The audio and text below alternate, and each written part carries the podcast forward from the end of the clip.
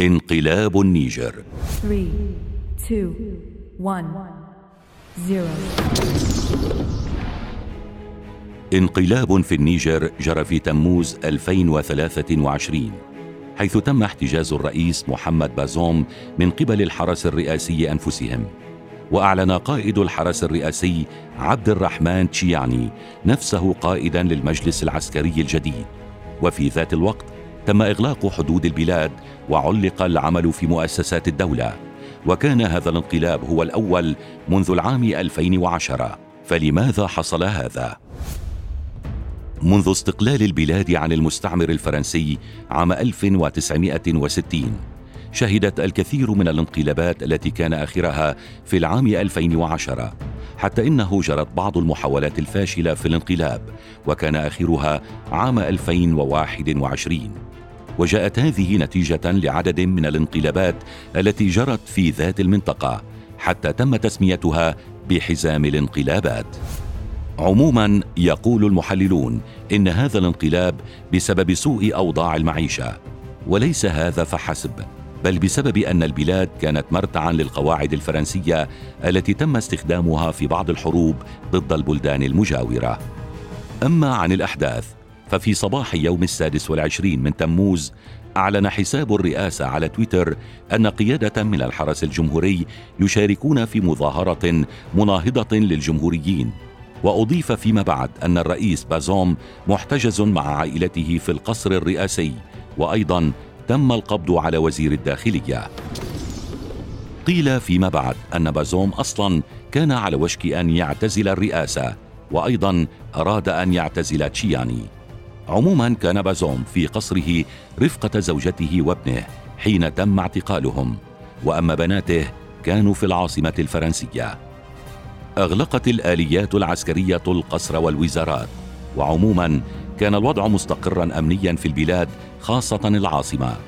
لكن بعض قيادات الجيش هناك قالت إن القصر الرئاسي والوزارات هي نقاط استراتيجية وأفادوا أنهم يمكن أن يهاجموا القصر.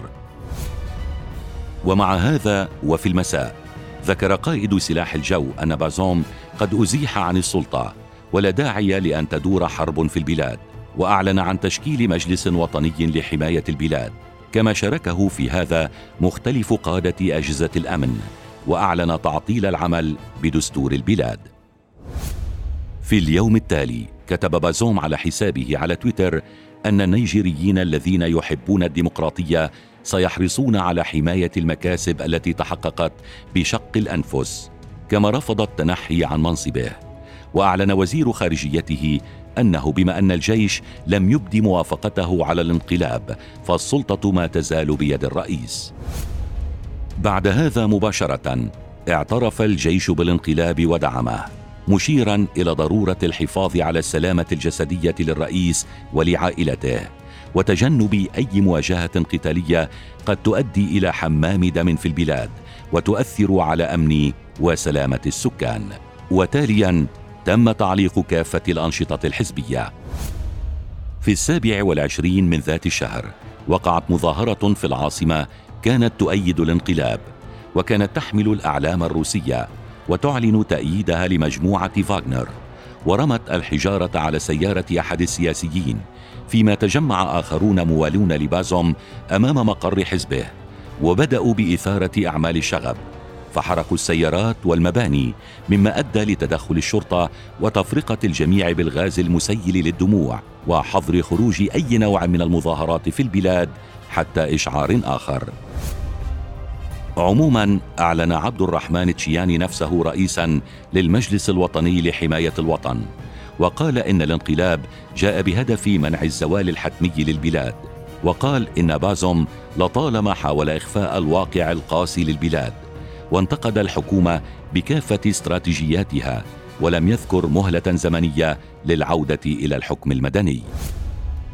الكثير من الجهات الدولية والمحلية أدانت الانقلاب بما فيها البنك الدولي والاتحاد الأفريقي فيما هددت الولايات المتحدة وفرنسا بسحب دعمها للجيش هناك. عدم الاعتراف هذا كان أصله الخوف من توسع فاغنر في المنطقة وأن بازوم كان راعيا مخلصا في المنطقة للمصالح الغربية. لكن وعلى ما يبدو أن هذا تغير اليوم.